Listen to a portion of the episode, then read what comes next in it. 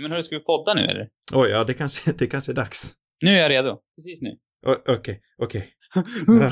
Ah, Hetsa, har du tagit någon kopp, kaffe, kaffe? Jag har ingen kaffedrink den här veckan, men det här var pepp nog. Typiskt, typiskt, Jag typiskt. tänkte jag skulle gå och köpa en. Typiskt, ska det gå. Ska det gå, nu är det kört. Men nu kör vi på ändå. Kör på.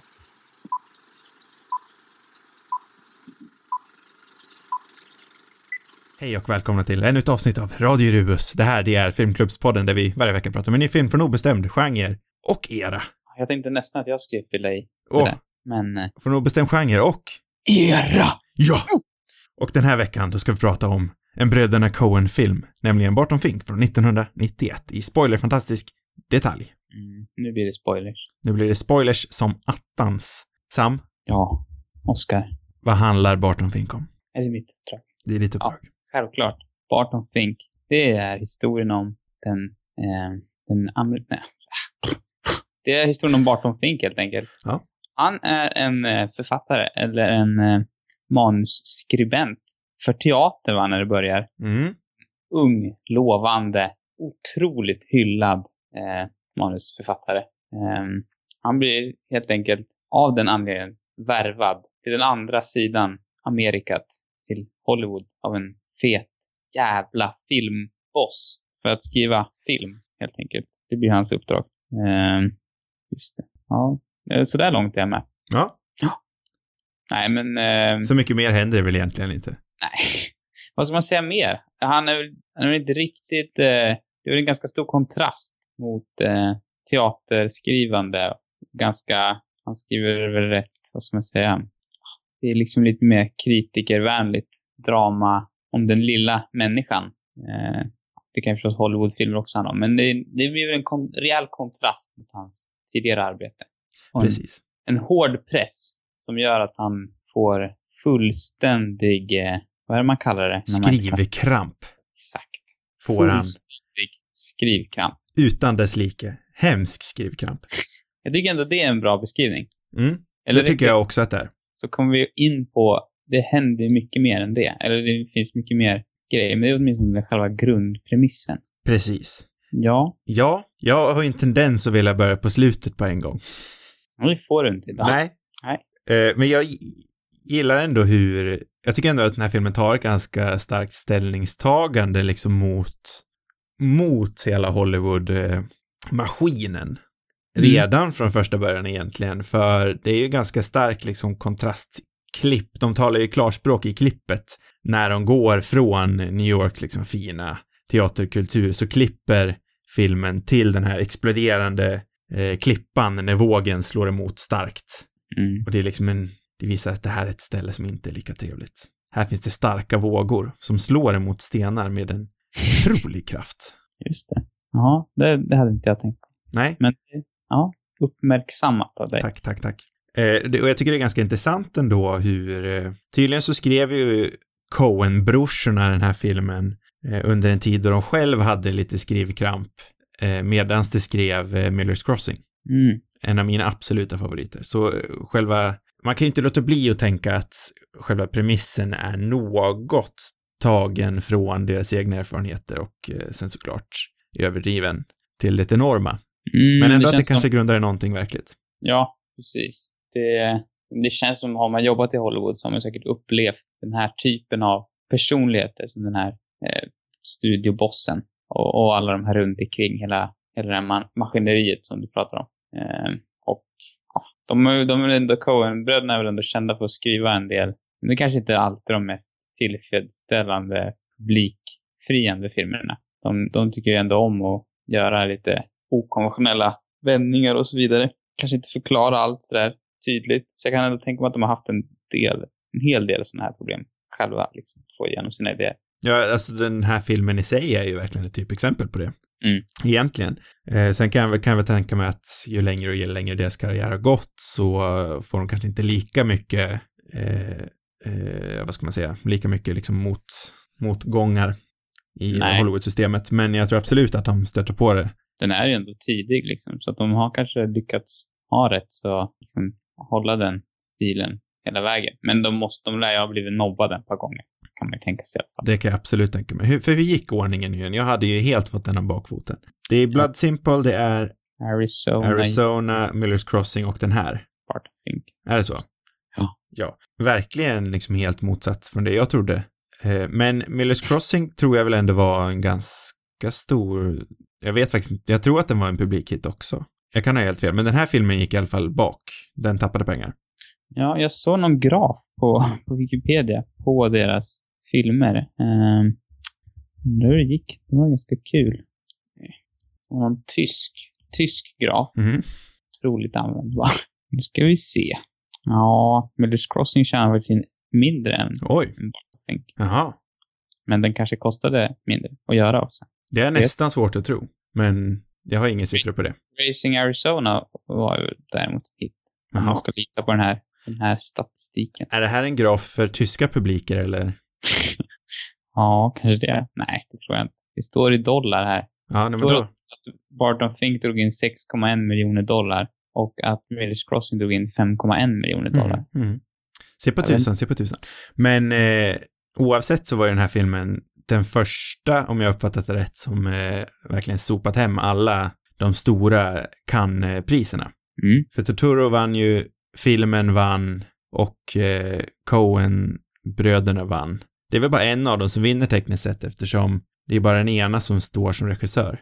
Mm, de hade den, den grejen där i, början av karriären, eller ja, ganska länge. Att, att de, det var en som körde, jag vet inte vem var den. Den ena var, stod alltså som producent och den andra som regissör. Just Mm. för att det var liksom inte okej. Eller vad- alltså för, vilka är det egentligen som bestämmer det? Är det den amerikanska film... Det är väl eh, DGA, tror jag, Di- Directors Guild of America.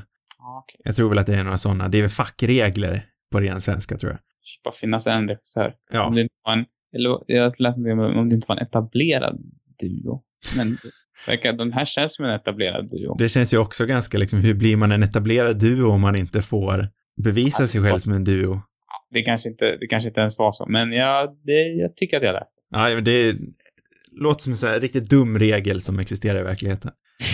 Ja. Men är det, nu är det ju riktigt hippt med eh, regissörsduos, så det verkar de ju ha ändrat på. ja, jag vet inte när det vände, vilken film, men många av de tidiga är väl Joel Cohen, tror jag, verkar som, som står som regissör. Ja, det kan nog stämma. Men eh, jag kollade på lite intervjuer om, med eh, bröderna runt den här tiden och de är ju ändå öppna med att de delar ju allting. Mm. Den ena producerar inte mer än den andra utan de gör egentligen allting lika mycket bara det att, ja men de måste ju skriva upp sig själv på en titel på grund av reglerna. Ja, de kör väl, och de har också en, en, det är väl också de som klipper filmerna, åtminstone deras tidiga filmer, fast under en, eh, under ett alias, Jaha, det visste inte jag. eh, som hette någonting, jag vet inte, ska se här nu. Eh, Frenetiskt googlande pågår under detta avsnitt. Ja, jag har läst det. Jag har bara inte lagt namnet på minnet. Det var klurigt att hitta. Strunt samma. Jag tror det är så. Stämmer nog.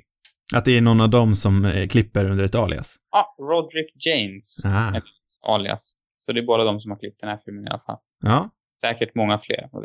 säkert många fler. Det hade jag faktiskt inte en aning om. James har vunnit en Oscar faktiskt. Vad sa du? Roderick James tror jag vunnit, åtminstone varit nominerad för en Oscar. Undrar hur de gjorde då? Dök han inte upp bara? ja, precis. Nej, jag vet inte. Ja. Ja, det var ju lite spännande. De är ju riktiga karaktärer. Mm, verkligen. Särskilt under 90-talet när den ena av dem hade hästsvans och den andra ser i- princip likadan ut som han gjorde idag. Mm, men även nu så ser han med hästsvansen rätt så härligt ut. Mm. Han har stora lurviga håret. Men han var ju ännu bättre med hästsvansen, den lurv- lurviga hästsvansen. Vara sant. Men även fast den andra, jag kan inte skillnad på dem, men även fast den andra eh, ser ut som han gör idag så ha- har han ett, ja, han hade och jag antar att han fortfarande har ett väldigt fantastiskt skratt. Mhm. Väldigt säreget skratt. Jaha. Har nog inte hört någon gång tror jag. Det tycker jag ni kan kolla upp. Det är någonting jag ska kolla upp också tror jag. Men det som är mest, eh, om vi ska gå lite in på den här filmen, Ja, eh, men det prata- går ju också ut över hela deras filmografi tycker jag, är ju att eh, Coen-bröderna är ju mästare på de här små birollerna Mm. eh, som verkligen eh, utformar hela världen och gör den levande. Jag vet att vi har pratat om det här förr någon, gång också. Mm. Men det slog mig extra mycket den här gången för jag läste en tweet för någon dag sedan Mhm. eh, om exakt samma sak, men det har inte med eh, Coen-bröderna att göra, men den tweeten eh, eh, förklarade var varför Indiana Jones-filmerna, att de är precis lika bra på det här eftersom de också har de här birollerna som eh, varje biroll har liksom en sån aura över sig så att man tänker att de har haft sina egna äventyr och känner Indiana Jones sedan långt innan och precis likadant är det ju med de här. Jag tänker till exempel eh, den mest Coen-klassiska karaktären i mina ögon är ju den här eh, snubben i hissen. Mm. Det känns ju som en otroligt Coenig karaktär. Mm, den gamla gubben Mm, som inte säger någonting. precis. Men, men han säger ändå så mycket. Bara med sin tystnad. Och suckar framför allt. Ja, just det, det gör han också. Sen så har vi ju också Chet såklart, spelad av Belushi. Nej, inte Belushi. Eh, vad heter han? Fushimi. Buscemi. Ja. Och de är också mästare på stora, feta gubbar som tycker om att gasta mycket. Till exempel som den här filmbossen. Mm, Det känns också som en typisk Coen-karaktär tycker jag. precis. Verkligen. Det känns som det finns ett gäng andra gubbar också i den här filmen. Ja, Ja, inte minst. John Goodman. Ja, han är lite mer gasta, lite mer stilfull. va? I den här, han, är, han gastar inte så mycket ändå. Nej, kanske inte i den här filmen. Ja, i slutet gör han väl kanske det, men inte så mycket i början, det har du rätt i. Nej. Ehm, vad var det jag skulle säga? Det är, det är i alla fall fascinerande med den här filmen tycker jag. Eller det som känns också väldigt typiskt Coen-bröderna. Det är att de börjar med någonting eh, som är liksom en typ av film. Och sen så gör de det till någonting annat.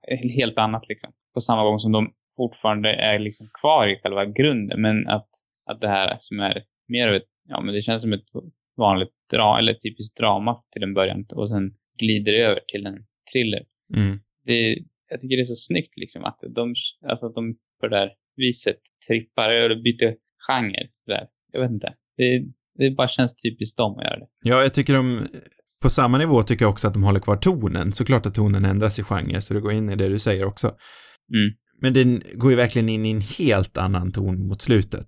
Ja, men det funkar ändå. Det känns ju aldrig, det är ju väldigt drastiskt, men det går aldrig över gränsen på något vis. Nej, men det är inte, det, det, alltså det finns ändå, det hör ändå ihop, alltså det funkar ändå i den, i den världen. Också. Ja, men precis, för då, jag tänker ofta att de kontrasterar liksom dramatik med humor.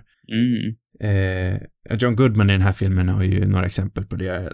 Jag tänker när, eh, när han först går in i det här rummet då eh, Judy Davis eh, karaktär Audrey Taylor har blivit mördad i sängen med Barton Fink. Mm. Och han går in i rummet, det är liksom en hemsk scen han ser, men det kontrasterar Coen-bröderna med att eh, direkt dra in ett inslag av humor då John Goodman måste gå in på toa och spy. Mhm. Och, och det blir liksom väldigt skojigt då. Men det, det blir inte för drastisk Nej. vändning. Eh, och samma sak, nu går jag in på slutet, jag skiter i vad du säger, när i den här brinnande korridoren eh, och det är också, det är en väldigt skrämmande scen men då John Goodman liksom springer och skriker, det finns ju någonting som är väldigt humoristiskt med det med. Mm. De är ju skickliga på det där. Precis, mer än det behöver vi inte säga, ska vi komma in på slutet sen. Ja, nej men, det, nej men just det. Att, eh, att, att göra den, att du sådär smooth, byta genre mitt i en film. Mm, Det tycker jag verkligen om. Det känns mycket mer naturligt också. Alltså det är så tråkigt med filmer som är liksom, eller ja, tråkigt och tråkigt, det kan ju också vara bra, men det, det är liksom spännande att, att man kan göra på det sättet. Det Ja. Ja, nej, alltså jag, ju mer och mer filmer jag ser med dem, så eh, jag har alltid älskat Coen-bröderna, men ju mer och mer filmer jag ser med dem så börjar man nästan inse att de är ju, om inte de bästa regissörerna som jobbar i Hollywood så är de åtminstone, åtminstone topp fem. För jag tycker de är så fruktansvärt starka och de är ju verkligen bland dem, tillsammans med Tarantino ändå, så skulle man kunna säga att de är de mest liksom amerikanska filmskaparna. Mm, det som också man liknar Tarantino är att de har, känns som de har en väldigt distinkt stil. Som Precis. är genomgående. De är liksom väldigt säkra. Redan i deras tidiga filmer så är de säkra på sin stil. Men också att de lyckas skapa gripande karaktärer. Jag tycker ju att, att, att liksom som ren dramafilm så funkar den ju väldigt bra också. Mm. Nästan ännu bättre kan jag tycka. Mm. Eh, och alltså Barton är ju en, en intressant karaktär som man känner med genom hela filmen. Och eh, jag vet inte, han är, han är också ganska så här skiftande. Ibland är han väldigt så här tillbakadragen och man tycker nästan synd om honom. Medan i andra situationer kan han liksom verkligen ta över rummet. Och, Ja, alltså han kan ju, han är ju fruktansvärt självgod och liksom högfärdig. mm, Nästan lite avsmakligt ibland. Mm. Men det tror jag också är väldigt liksom meningsfullt. De gör ju det med flit. Det finns ju den här, den här alltså min favoritscen i filmen, det är nog den här dansscenen mot slutet. Mm. Där känns det som att hans, det är det renaste av hans personlighet på något vis, som kommer fram där. Där, där ser man verkligen den här självgodheten Mm. som han verkligen uttrycker. För där är han nöjd liksom. Ja, och jag gillar liksom också att de, för det är ju en bild av författaren som ändå finns. De spelar ju med den här bilden som författare ofta, som jag tänker att författare ändå ofta har om sig själva. Eh, Den här bilden som Fink målar upp om sig själv och som eh, kritikerna målar upp med honom är ju väldigt liksom typisk den som vi som samhälle har uppmålats eh, till författare också. Mm. Mm. Men jag gillar ju också att de, att Coenbröderna som författare faktiskt väljer att också ta avstånd till sin huvudkaraktär och visa att han inte är så svartvit. Nej. Utan han är ju också väldigt självgod. All den här liksom hybrisen går ju en till huvudet till slut. Jag tror det är väldigt svårt att undangå. Mm. Eh, och jag älskar verkligen det att deras karaktärer är ju inte alls svartvita utan väldigt gråa. Gråa. Gråa. Det gillar du. Det gillar jag. Mm. Det är bra. Men eh, sen att man ändå har det, som vi sa tidigare också, i motsats till de här väldigt färgglada birollerna. En grå Mm. huvudkaraktär och färgglada biroller. är, det det, är det det som kännetecknar? ju tolkas annorlunda också. Det är en grå, det låter som att det är en tråkig hudkaraktär. Ja, du förstår vad jag Nej, menar nej. eftersom jag Han beskrev är innan. jäkligt färgglad han också. Ja, Tycker du inte det? jo men det är han, men jag tänker Han liksom... skulle lika gärna kunna varit en, en bikaraktär här. Och det hade varit någon annan som var huvudkaraktären. Han hade ju funkat som den här snubben i hissen eller han som hälsar på eller någonting. Ja, alltså kanske när han är sitt sanna själv liksom, när han är ute på dansgolvet så tror jag han hade funkat som en huvudkaraktär. Eller som en biroll menar jag. Det är ju rätt tokig annars också. Fast är han tokig nog? Ja, Okej. jag tycker det. Ja, jag, jag håller inte riktigt med dig, men det hör inte riktigt till saken heller. Vad, vad har vi att säga om eh, den här, eh, vad heter han, den här äldre eh, manus, eller ja, han kanske är en författare mer. Legenden. WP Mayhew. Exakt. Vad, vad har vi att säga om honom? Ja, spelar han för viktig, viktig han känns som en väldigt viktig roll i den här filmen. ja, han är ju det. Sen försvinner han ju närmare slutet. Eh, bra fråga, vad tänker du om honom? Nej, alltså jag vet inte. Han är väl på något sätt något skräckexempel av vad Barton själv kan tänkas hamna, antar jag. En, eller åtminstone till en början, eller ja. Alltså Barton har ju väldigt respekt för honom Mm. Till en början. Och sen ser han det här förfallet och kanske ett system som på något sätt har krossat den här mannen. Så att det blir på något sätt en, bild av vad Barton själv liksom kan vara om, om några år efter att ha levt i, i det där systemet. Och, och egentligen är det kanske dit filmen också kommer att gå. Eller alltså det som kommer utspela sig efter filmen kan man nästa, det skulle kunna vara Mm. dit där han hamnar. När han, när han fortfarande är liksom fast, fast i det där jobbet på något sätt. Ja, jag tänker också att han är, för han är ju ändå liksom en, eh, han säger ju det någon gång att han tycker att Fink liksom är för högfärdig och att han tar sig själv för seriöst. För han ser ju sina, alltså han hittar bara på. Mm. Eh, Fink eh, ser ju sin roll som författare som en liksom samhällstjänst. Mm. Det gör ju inte den här Mayhew. Han, eh, han ser ju egentligen för det som det egentligen är, att han bara hittar på någonting och skriver ner på papper. Sen så kommer det ju dock fram senare i filmen att det inte är han som har författat eh, hans senaste verk i alla fall, Nej, precis. utan att det snarare är den här Audrey Taylor. Eh, men det går inte riktigt någonstans efter det ju. Jag hade nästan hoppats på lite mer, eh, lite mer konsekvenser från det avslöjandet. Mm. Jag tycker det försvinner lite i chocken av att hon sen är död. Mm, jo, så är det ju. Men det känns också naturligt att, att det inte rotas något mer i det. Mm. Och jag tycker också lite att det har gjort sin funktion. Det har på något sätt, det är väl det som är den liksom ultimata avslöjandet av hur, hur falsk, det här, den här falskheten som finns i Hollywood. Um, den här kulissen på något sätt. För det är ju också ett väldigt typiskt liksom Coen-drag att de kan ju döda en, eh, eh, ett, ett sidospår sådär bara. Mm. Eh, de kan ju liksom döda en biroll från ingenstans, sen släpper de det helt.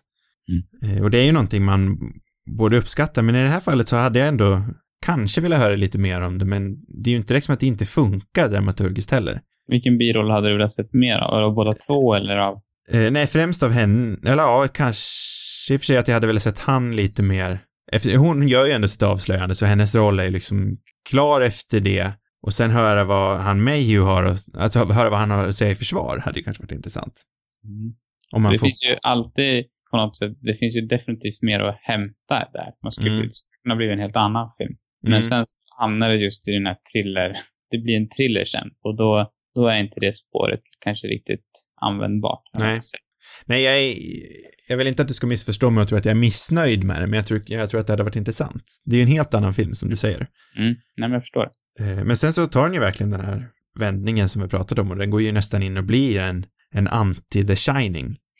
Och hur menar du då? Eller kanske inte en anti-The Shining, men eh, The Shining fast i eh, motsatt vinkel, utan det här är ju ett varmt hotell snarare än det väldigt kalla Ja, så ja. The Shining-hotellet. Ja, Det är, ett, det är ett hotell som, det är väl någonting som också tycker gör att den här vändningen funkar så bra. Det är att de här thriller, eh, vad ska man säga, thrillervarningarna, eller det, kän- filmen känns eh, liksom redan från början som en thriller just på grund av det här hotfälla, eller hotfulla hotellet. Mm. Eh, Den här konstanta bilden av den här korridoren som ser extra obehaglig ut när alla de där skorna står utplacerade Mm. efter allas dörrar. Eh, men också det här med tapeterna som, som av värmen antar att det här liksom faller ner från väggarna och det är något kladdigt lim där. Klibbar och det, jag vet inte, det är konstiga ljud. Det är ett obehagligt ställe han bor Mm. på. Verkligen. Och eh, John Goodmans karaktär är också ganska obehaglig från början. Fast han är varm. Fast jag, jag kan inte låta bli att bli lurad av han sen. Jag, det kom lite som en överraskning för mig. Jag tänkte hela tiden i början att någonting är skevt. Men han övertalar mig just eftersom han, jag tycker att han är så otroligt charmig. Så jag vart ändå chockad när det kom fram sen till att han var en, en mördare, rent ut sagt. Mm, jag vet inte, jag, fast det där tror jag beror mycket på att, eller jag kände på något, alltså om det är någonting jag inte gillade så kändes det, men det, ja, jag vet inte, det beror nog också på att, på alltså, erfarenheter av andra filmer, men det kändes, jag tyckte det var väldigt uppenbart att, att han, att han var mördaren på något sätt, eller, alltså det, att det var något, något ondskefullt med honom. Mm. Men det beror nog på att, för att Goodman har spelat den typen av eh, obehagliga karaktärer senare. Jag tänker ju bland annat på den här, heter den? Eh, Cloverfield Lane. Ja men precis, där han spelar en liknande karaktär som är i vissa stunder otroligt eh, liksom härlig och Mm. trevlig och mysig och omhändertagande. Och i nästa stund är ett monster liksom. Och så går det fram och tillbaka nästan. Mm. Ja, det, det förstår jag ju, men jag tänker liksom vid det här fallet, jag tror det var mycket det som gjorde att jag blev lite chockad, för runt det här, runt den här tiden, vid 91, så vill jag säga att han var mest känd som sin roll som pappan i Roseanne. Mm. Han var liksom den här all, allgoda sitcom-pappan. Jo, men jag tror också det. Att utan, utan erfarenheter så tror jag definitivt att det kom som en ganska brutal chock. Mm. Och han är ju, alltså jag menar John Goodman är ju otroligt bra tycker jag. Mm. Absolut spelar den här typen av roller för att han lurar ju verkligen. en. Alltså i Cloverfield Lane kände man ju konstant lurad. För där visste man inte alls om man hade honom. Nej. Det, och det, den filmen, le, alltså den var ju bra på många sätt tycker jag, men, men den levde ju väldigt mycket på just hur, hur skicklig han var på att spela den karaktären. Och det här är ju en, en liknande karaktär. Vad, vad, vad känner du? Vad är dina spontana, djupa känslor kring John Goodman? Jag kan ju inte låta bli att hålla med dig om att John Goodman är ju liksom bland, bland de bästa. Precis som eh, bröderna Coen så är han ju bland de bästa som jobbar i Hollywood. Eh, och jag älskar liksom den här, eh, det här spelet han har mot, eh, som det visar sig att han har haft hela tiden mot eh, Fink. När han kommer, jag älskar den här repliken i slutet då han kommer att han bara är en turist med en skrivmaskin. Att jag bor här men du är bara en turist med en skrivmaskin som kommer hit för att du vill må dåligt. Det spelar ju också lite på den här självgodheten eh, som Barton Fink har. Jag tycker att det framgår ju mer och mer ju längre filmen går att Barton Fink är ju en otroligt hybrisfylld karaktär. Eh, som- verkligen. Som in, säger att han jobbar för, för den vanliga människan, som han säger. Eh, men egentligen med det han gör så kan det ju vara så att han egentligen saknar respekt helt och hållet för dem han försöker skildra. Men det är lite det intrycket man får. Alltså det är ju samma, deras första möte tror jag det är, när John Goodmans karaktär vill, ja men, han vill berätta om, jag vet inte om det är, vad är det han, han ska berätta om en historia i alla fall och han liksom försöker gång på gång men, men Barton lyssnar ju inte på honom. Mm, Utan han är liksom, Och i just den scenen så är det ju han som äger rummet istället. Och, och det är han som håller låda liksom. Och han har, han bara snackar om hur mycket respekt han har för den lilla människan. Men Mm. han lyssnar på den lilla människan. Så det är ju verkligen, det är verkligen med där från första början. Ja, nej, så jag, jag tycker verkligen att det är hur bra som helst. Deras dynamik, jag älskar den verkligen. Eh, och Det är också intressant att se den här utvecklingen, för till en början så har man ändå, eller man känner ju fortfarande en stark sympati för Barton, men eh, och på något sätt förlåter man del av det där beteendet i, i början just för att man tycker synd om honom i, i, i nästa scen, mm, när han blir överkörd av någon. Ehm, men ju mer det går så börjar man liksom förstå också problemet med det här, eller vad det är som gör honom inte så sympa- sympatisk precis. person. Men också nu när vi är inne på John Goodman. Eh, Är Mm. tanken att det är han, vem är det, vad hände med eh, Judy Davis? Alltså är det John Goodman som gjorde det där eller? Det antar jag. Är det det man ska anta? Eller menar du att det är Barton? Nej, jag... Är det Vet- detektiverna som har gjort det? Ja, det är det. Nej, Nej, men, men- eh, man ska antagligen anta att det är John Goodman, men det är inte helt såklart. Nej, det är aldrig någonting som bekräftas. För det Men- känns ju också, det, man får ju lite, som jag sa, The Shining-vibbar och det tror jag är helt eh, med flit. De har väl sagt att eh, The Shining var en stark inspiration. Så jag tänker om de liksom försöker dra någonting, för hela filmen är ju väldigt drömsk. Ett ord vi återkommer till ofta i den här podden. Eh, men jag tänker liksom om det ska vara någon slags att hotellet, eh, att hotell, inte att hotellet har gjort det, men att hotellet är ju liksom, det är ett spökhotell. Mm. Om det är hotellet som har besatt eh, Barton Fink på något vis. Ja, det är så. Jo, det är väl kanske möjligt. Jag vet inte. Jag tänker att det är Goodman som har gjort det. Men det är just de där, att, att just sådana detaljer utelämnas. Eller att, att det aldrig bekräftas. Det är väl det som gör det så bra. Och det är väl det som jag tycker Coen-bröderna är, ja, men som gör deras filmer så intressanta också. Mm. Att de inte har problem med det. För många hade ju gärna velat haft den här konfront- konfrontationen och förklaringen i slutet. Och ibland kan jag bli provocerad av liksom, otillfredsställande slut i Coen-filmer. Men den här är ju tillfredsställande av just den anledningen.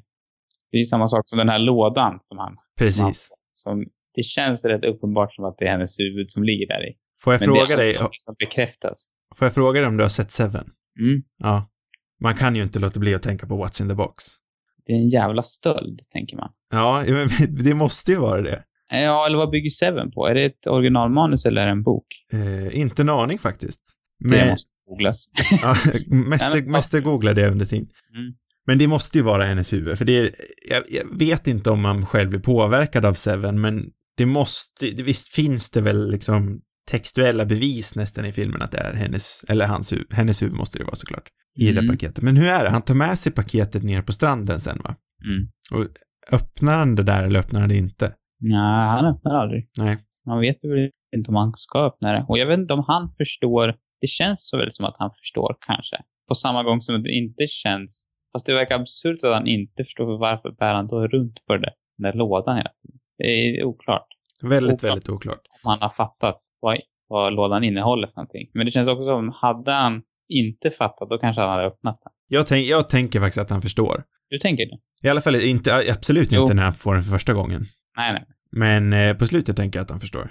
Jo, nej, men det är något sånt. Av mina eftersökningar på Seven så är det, verkar det bygga på ett originalmanus. Skrivet av, Andrew Kevin Walker. ah, okej. Jag tänkte att det var Fincher själv, men det är det inte. Han brukar väl aldrig skriva i och för sig. Tror inte det. Nej. Mm. Stöld. Stöld. Skamligt skulle jag säga. Det som gör den här filmen, eller jag skulle inte säga att den här filmen är bättre än Seven, men det som gör det här slutet bättre än Seven, det är just att det aldrig avslöjas vad som är i lådan. Mm. Jag älskar ju såna där grejer. Jag med. Även fast det ändå är ganska självklart så tycker jag ändå att det här Seven, Ja, är, det- Seven är också det- otroligt bra. Jag ska inte klanka på Seven. Det är Nej, men slut, fantastiskt, men... slutet hade kunnat vara bättre. Nej, jag vet eh, inte. nej, det skulle jag nog inte säga, men... Men jag gillar, om man jämför bara just det där med att de inte avslöjar, eller att de inte rakt ut avslöjar vad det är i lådan, så tycker jag om det. Jag föredrar det. Mm. Jag skulle vilja... nämna hur snyggt de knyter samman med den här tavlan där i slutet. Ja, väldigt, väldigt snyggt. Jag vet inte egentligen vad det säger för någonting. Nej, jag precis tänkte på det själv. Jag vet inte heller riktigt. Det är, något, är, det något han drömmer efter? Den här kvinnan på stranden och vågorna? Eller vad, vad betyder det liksom? Eller vad har han nått? Har han nått fram någonstans? Ja, för det är den han sitter och kollar på när han har liksom sin skrivarkramp. Mm. Sitter han ju och kollar in i den där, men det hjälper han ju inte Nej. på något vis egentligen. Jag vet, jag har faktiskt inte kommit fram till själv vad det betyder. Priset av att komma, att han liksom får nå dit, till verkligheten. Jag tänker, hur är det med den där fågeln i slutet? För Just faller en död fågel också, ja. jag tänker att den dör, men sen läste jag att den bara dyker och att det inte var med flit. Att, de, att det, var, det bara råkade vara en fågel som dök ner i vattnet, så var, vart de glada och behöll det. Det såg ut som att den föll. Ja, jag tror jag var dösäker på att den dog, att den föll och dog. Men tydligen så dök den bara, men jag, så då, då kan man ju anta att den inte har någon egentlig betydelse om det var med, om det var ren slump. Där blir man ju lite, alltså där, där blir jag lite provocerad av dem, att de erkänner att, Ja. det, var, att det var en slump. Hade det varit Kubrick så hade han aldrig sagt det. Han hade inte, han hade bara lämnat det, eller hur? Han hade ju aldrig svarat Ja, nej, jag tror inte han hade sagt det för, någon gång. Så han, han är väl nästa, nästa nivå av, av mästerlighet när det gäller just att skapa mystik. Men tydligen eh, i de intervjuerna jag såg med bröderna Coen så gillar de inte riktigt när man överanalyserar deras filmer. Nej, det kan jag, eh, nej, det kanske Kubrick gick igång på själv. Det tror jag verkligen att han gjorde. Så, så det är väl i och för sig ett svar på varför de är jag- så öppna med det. Jag tycker också att det är lite intressant just eftersom deras filmer ändå har väldigt mycket potential att, att överanalysera dem, i alla fall många av dem. Jag tror det är det också som kanske gör att de blir provocerande när, när det inte funkar för mig. Till exempel No Country for Old Men har ett, för jag tycker ett otroligt provocerande slut. Mm, jag håller med dig. Och jag vet, det är jag svårt att tolka vad de, om de har gjort det slutet på det sättet för att provocera eller om bara kände för det liksom. Eller, eller för att de, det känns ju inte som att de har någon tanke bakom det. Och om man ska lyssna på dem så, på det de säger så har de förmodligen ingen större tanke bakom det heller. Nej. Eller alltså, jo, det är klart det finns en tanke bakom det, men det finns ingen så här häftig, otrolig, mindblowing förklaring till varför det slutar som det gör. Nej, alltså de är ju väldigt liksom sakliga om jag uppfattat det rätt. De, det som händer, det händer, det finns ingen djupare mening bakom det. De menar ju liksom att livet är slumpmässigt. Mm. Och ibland är det bara så här, och det tycker jag är väldigt, det är ju en del av det jag älskar dem för, men det kan också vara väldigt provocerande. Som den här fågeln tycker jag kan bli, att det tog det steget för långt. Jaha, du tycker det? Ja, jag tycker nästan det. Jag, jag önskar att de inte hade sagt något om den. Ja. Det hade för mig varit perfekt. Jag gillar ju just det där med Kubrick som liksom förstärker nästan mystiken kring sina filmer genom att inte svara på något. Det är ju väldigt roligt på ett annat vis. Jag uppskattar ju båda två. Eh, Ja, men jag gillar det. Alltså jag gillar ändå idén att de på något sätt, ja men just kopplingen till det verkliga livet, att, att alla de här grejerna som händer på slump inte har egentligen någon, ja men ingen, det finns liksom ingen bakomliggande tanke till varför saker händer. Mm. Det är ju, det är ändå, ja, men det tycker jag ändå om. Det finns ju tydligen en diskussion kring den här filmen om vad som är dröm och vad som inte är dröm. Mm. Att den här Den filmen- är också väldigt, den är ju som du sa väldigt drömsk. Och, ja, fortsätt. Men samtidigt har jag inte någon riktig liksom, jag tänker inte riktigt att det finns någon drömsekvens i den här filmen. Nej, men det skulle kunna vara. Eh, ja, Absolut att det skulle kunna vara en. Jag tänker liksom i slutet med, varför börjar tapeterna brinna för? Är det, är det det här liksom blödande tapetklistret som fattar eld?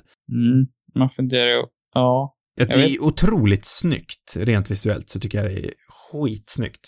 Det är också konstigt att, eh, eller det är nästan roligt tycker jag, att det är liksom, det är inget större problem för honom, att, eller det är inget problem överhuvudtaget att ta sig ut där. Det är liksom bara en, ja, då går jag ut då. Ja, och, I vilken annan film som helst så hade de ju anspelat på den här paniken när huset brinner upp och det hade varit liksom kaos. Jag började liksom på en gång när jag såg de första eh, rökmolnen där så började jag fundera på hans stackars manus som Mm. låg, nu, fan vad han har slitit, nu brinner det upp. Men det är liksom aldrig något problem. Han bara går ut. nej men precis. Så Det, det, också, det, känns också avsiktligt på något sätt. Att, att de tar helt dramat bort från det. Ja, för det om något är väl kanske det jag kan tänka mig är, inte en dröm, men kanske en, eh, en frihet som filmen tar för att måla upp, eh, för att måla upp liksom det tematiska, är brist på bättre ord, eh, snarare än det som verkligen händer. Att det vi ser behöver inte vara sanningen. Nej. Väggarna brinner för att det som händer i rummet liksom är så, så spänt. Jag tror absolut att John Goodman springer in dit och skjuter ner poliserna, men just att väggarna brinner upp vet jag inte nödvändigtvis om det är någonting som eh, faktiskt händer. Ja, just det. Jag kände ju när, när han hittar eh, Judy Davis karaktär död i, sängen, då tänkte jag Eller det kändes väl som en drömsekvens. Det var bara att den pågick liksom i sin evighet. Mm. Så det, det tolkar jag inte heller som, eller ja, det är ju knappt någon drömsekvens för hela resten av filmen påverkas ju av just den händelsen. Ja, så, så det har varit väldigt intressant att liksom höra en motpol på det här. Motpol mot... Höra någon som verkligen tror liksom på, någon som verkligen har liksom någon konspirationsteori kring den här filmen. Men har du läst någon sån? Nej, jag har ju inte gjort det. Har du Nej. läst någon? Nej. Nej. För jag kan ändå tänka mig att det finns en hel del. Jag tror det hade varit väldigt intressant att läsa. Det är säkert sådana teorier som Coen-bröderna bara har totaldissat. Garanterat. Nej, det är ingen dröm. Ja, så är det klart. Eh, Vi har ju en sån här eh, lite sporadiskt återkommande sekvens med eh, fascinerande eh, drycker i filmer. Mm. Och här har vi ju en väldigt spännande kombination med mjölk och whisky. Men just det. Det vill jag bara ha sagt. vill ha sagt. Apropå saker som man vill ha sagt, så tycker jag också att de har en intressant fascination för att liksom åka genom hål. Olika hål. Mm. Konstant i den här filmen. Det är ner genom eh, toalettstolen. Nej, inte toalettstolen är det inte kanske, men handfatet. Det är in genom trumpeter och hål i väggar och det här var. Ja, det här är väl deras första samarbete med eh, Roger Deakins. Ja, det kanske är. Eh, för innan det här tror jag att de... Eh, jo, men innan det här måste de ha jobbat med Barry Sonnenfeld. Gjorde de det på Millers Crossing också? Ja, det var han som gjorde den. Han gick ju senare vidare och, fick sin egen regissörskarriär. Han Mm. gjorde ju bland annat Men in Black och Adams Fam- Family-filmerna. Mm. Men jag tycker faktiskt att han var väldigt duktig som fotograf. Mm. Eh, kanske inte lika bra som Roger Deakins, för det är få som är det. Ja, absolut. Där Roger Deakins är nu. Mm. Han är verkligen en, han har gjort otroligt mycket bra. Det här kanske inte är någonting som hamnar på hans topplista liksom. Nej, men jag tycker ändå. Jag vet inte riktigt hur mycket av det här är liksom stilistiska dragen i det här spökhotellet, hur mycket som kommer från han och hur mycket som kommer från regin. Antagligen kommer en hel del från regin. Mm. Men det är intressant just för att de har varit så konsekventa och jobbat med honom Mm. eh, senare. Så det är svårt att veta var, var liksom alla idéer kommer ifrån. Men det känns ändå som att de är, att det kommer mycket från dem. Den här visuella, ja men självklarheten eller eh, att de har en väldigt tydlig vision. hur- Även hur det visuella ska se ut. Mm. Men jag kan tänka, han är ju, Dickens är ju otroligt skicklig på att realisera eh, regissörers och kanske förhöja eh, visioner. Ja, jag tror i många fall, just nu i alla fall, så ser man ju på en gång vad som är en Roger Deakins film och inte. Så nu har den väl antagligen lite större liksom egen frihet för att måla upp sina egna bilder. Mm. Eh, Jo, så har säkert skapat sig ett tydligare och tydligare eget uttryck. Exakt. För här, jag hade nog inte gissat att det här var en Roger Deakins film om ingen hade sagt åt mig. Nej, nej men det hade inte jag heller gjort. Det här känns som, det här är ändå tidigt, hyfsat tidigt i hans karriär. Mm. Det är också kul att, de, att han som har gjort musiken, Carter Burwell, också är en som har jobbat egentligen hela vägen med Coen-bröderna Mm. alla deras filmer. Jag var ju otroligt förtjust i hans soundtrack till True Grit. När den Ja, det är väldigt bra. Han, han har också en väldigt så här, men jag vet, det, det är viktiga komponenter de här ändå. Det är ju väldigt spännande att se alla de här återkommande. Jag tänker till, till exempel så har ju, jag tyckte jag kände igen det och det visade sig att det även var hon, att Frances McDormand har ju en snabb liten eh, eh, cameo där det börjar med hennes röst. Eh, en av, eh, filmen öppnas, öppnas ju med att man får höra Barton Finks teaterpjäs talas ut. Mm. Eh, och en av rösterna där är Frances McDormand. Mm. Eh, sen så är ju också den här pompöse Harvey Weinstein-aktiga eh, studiochefen, han är ju också en återkommande skådespelare i deras repertoar. Likaså eh, hans, hans eh, kompanjon, den här Flintis-gubben med mustasch. Mm. Så det finns ju en, en, en drös återkommande drag här som eh, återkommer senare i deras karriär. Mm. Ja, det som vi inte har snackat någonting om, det är väl, hur uttalar man egentligen det? Turtle, säger man så? Du, du är vass på uttal. John Turturro. Ja, ser du. Bra. Tack, tack, tack. Jag tycker vi har pratat för lite om honom. Det har vi faktiskt gjort. Han är ju faktiskt den centrala, vi snackar mycket om Barton, men inte om John. Nej. Och eh, han är en sån där skådespelare som, han tycker jag är underskattad alltså. Mm. Han är otroligt skicklig, men det känns som att han har blivit väldigt mycket, eh, kanske inte typecastad, men, men han har fått väldigt mycket liksom undliga, energiska roller. Kanske mycket tack vare den här Och eh, Big Lebowski han också är rätt tokig liksom. Sen var han ju fruktansvärt bra också i, eh, i eh, Transformers. såklart. I am directly underneath uh, the, the robot scrotum, eller något sånt där. Är det inte någonting sånt jag säger? Säkert. Eh, nej men han är ju fantastisk i eh, Spike Lee-filmen som vi såg på förra året. Mm, just det. Eh, do the right thing. Do the right thing är han ju underbar i också. Där har han faktiskt en annan typ av dramatisk roll, Mm. Ska man ju säga. Men det känns, det, han känns outnyttjad tycker jag. Och det tycker jag är synd. Alltså, det känns som att han skulle ha kunnat gjort mängder med bra dramatiska roller. Mm. Han är, han är ju en stjärna på komik, men han är ju också otroligt skicklig rent dramatiskt tycker jag. Ja, i Millers Crossing så har han ju liksom en hjärtekrossande bra roll. Mm, mm, jo, faktiskt. Eh, nej, jag, jag kan ju inte låta bli att, att göra mer än att hålla med dig. Alltså, 90-talet kanske han hade mer sådana men det känns som sen, det är väl kanske Transformers som har förstört honom. För att under 2000-talet eller senare så, så känns det inte som han har gjort så mycket av, av kvalitet. Nej, han hade väl den här, det var väl någon serie som gick, någon HBO-miniserie Mm. som gick bara här om året, eh, där han hade en av huvudrollerna. Den. Jag såg den aldrig, men jag har fått för mig att han varit väldigt hyllad i den. Mm. Men eh, det var ju liksom ingenting som satte han på kartan igen som en av de bästa, bästa skådespelarna. Vilket han ändå är. Ja, Jag kallar många för de bästa i sin bransch det här avsnittet, men det är ju verkligen sant. Jag det slänger i Ja. Jo, Nej, jag- alltså jag håller helt och hållet med dig. Jag har ingenting att tillägga. Han är ju, han påminner lite om Dennis Hopper som vi snackade om för några veckor sedan på det viset. mm. Att det känns ju lite konstigt att kalla honom för underskattad. ja. Men ändå är han det. Ja, men det känns som det. Det känns inte som att någon har riktigt tagit vara på honom under de senaste åren. Ja. Han regisserade, det stod i nyheterna bara nu om, häromdagen, att han har ju regisserat en, en spin-off på Big Lebowski. Är det han som regisserar den? Ja, han regisserade en, en spin-off-film om Jesus, Mm. som tydligen har fått eh, ett release-datum nu efter två års väntan eller något sånt där. Jag visste inte om att det var han som hade, att det var han som skulle regissera. Jo, han har faktiskt regisserat några filmer. Och jag vet inte om det kanske, det kan ju ha med det att göra också, att han själv har gjort ett medvetet val att vilja regissera mer. Sen tror jag inte att han har varit en vidare framgångsrik regissör, men det kan ju vara någonting han... Jag har inte sett någonting av han, men jag har fått intrycket av, av att han inte är det. Han blir hyllad för det. Nej, Kanske underskattad även där. Det kanske är så att Hollywood har ett hat mot honom. så kan det vara. Men han känns ju verkligen som att han är gjord för en, inte bara en miniserie, utan en riktig liksom, jag tänker någonting Mad Men-aktigt.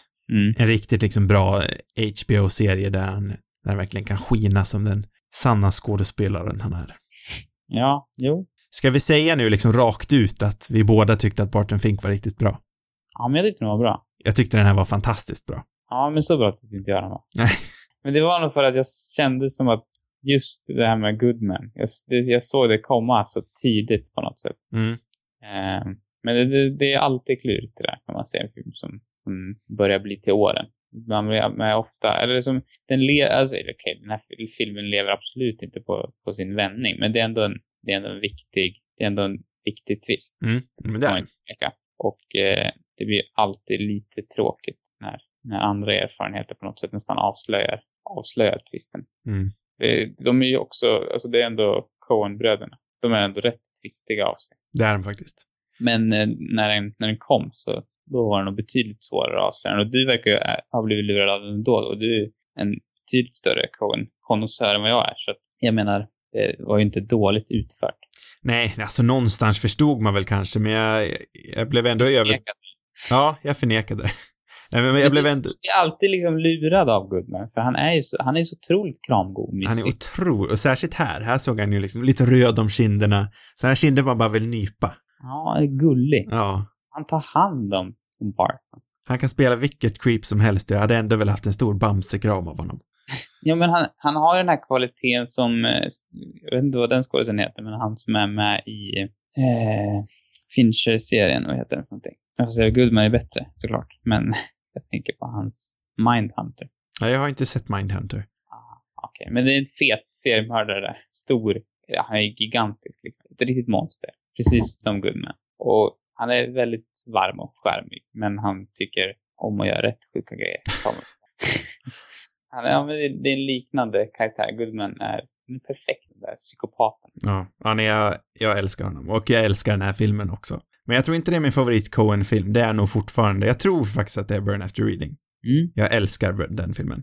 Är vilken min favorit där. Det är svårt att inte älska Big Lebowski också. Jag trodde det var din favorit. Ah, ja, ja, tätt, men jag tror Just nu så är det Burn After Reading. Det kan ändras. Jag tänkte, alltså tidigare att Big Lebowski var en av dina absoluta, alltså Ja, det var så länge sedan jag såg den nu faktiskt. Jag borde se den igen. Jag kanske borde ge en uppdatering om någon vecka. Jag har ju missat några av deras riktigt bra, tror jag. Men, jag har ju inte sett allt de har gjort heller, men... Men jag tror du har sett det mesta ändå. Ja, jo. Nästan till. Men eh, för mig känns Big Lebowski rätt så självklar. Jag, alltså, No Country for Old Men hade kunnat vara det. Om Mm. hade, om det hade haft ett annat slut. På samma gång som jag kan så här i efterhand, när man inte är lika provocerad längre, uppskatta slutet. Den här filmen fick mig dock att bli ännu mer besviken på Hail Caesar. Jag tyckte det var en bra film. Men så här i eft- efterhand så hade den kunnat varit bättre. Ja, Jag var inget jättefan av den, men det som är roligt med den är väl att, den är, att det är samma typ av idé, just att det dyker upp ett mysterium i ganska, ja men på något sätt oväntat i filmen. Precis. Jag tycker liksom att Hollywood-studion i den här filmen är nästan mer minnesvärd än vad den är där. Mm. Eh, Så det var ju tråkigt. Det var ju trist. Jag känner att vi är klara nu. Nu är vi klara. Och jag känner också att du har bestämt dig till nästa vecka, för det pratade du om förra veckan. Eller har du ändrat dig? Ja, men jag har en annan på lager också. Mm. Som är, jag vet inte, är det fel film att gå ut med? Ja, vi kanske ska säga det att nästa vecka blir vårt sista avsnitt innan. Vi tänkte ta en liten sommarsemester faktiskt. Mm. På en tre veckor, tre, fyra veckor eller något sånt där. Just den här är ganska, o, ganska okänd. Ganska ny. Ganska, ja, jag vet inte. Jag kommer inte ens ihåg vad den heter just. Så först och främst ska jag ta, ta reda på vad den är för någonting. Ja, låter bra, låter bra. Varför inte hålla uppe temat med frenetiskt googlande? Ja, man måste ju googla lite grann. Lite googling ger själen gott, som min mamma alltid brukar säga. Jaså? Jo, men det har jag hört. Det känner jag igen nu när du säger det. Mm. Det är faktiskt en, det är en fransk film. Ja. Från 2014 som heter Girlhood. Aha, aha, aha, aha. Eller? Va? Är den bekant? Den är bekant. Jag vet Ja. inte så mycket om den, men den är bekant. Jag tyck, tycker den verkar intressant. Och det vore kul att ta någonting. Men det känns ändå som att det blir en, en kontrast mot, det blir ett tydligt avbrott mot vad vi har pratat om tidigare. Ja, men ska vi välja den till nästa vecka då? Ja, men den är lite mindre och lite sådär okänd och det är en, jag tror relativt ung regissör. Ja.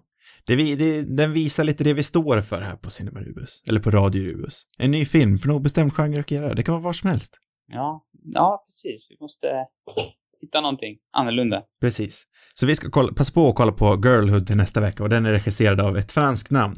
Céline, Ja, du- kan få uttala det efternamnet, för det är klurigt. antingen Siama, Skiama eller Chiama.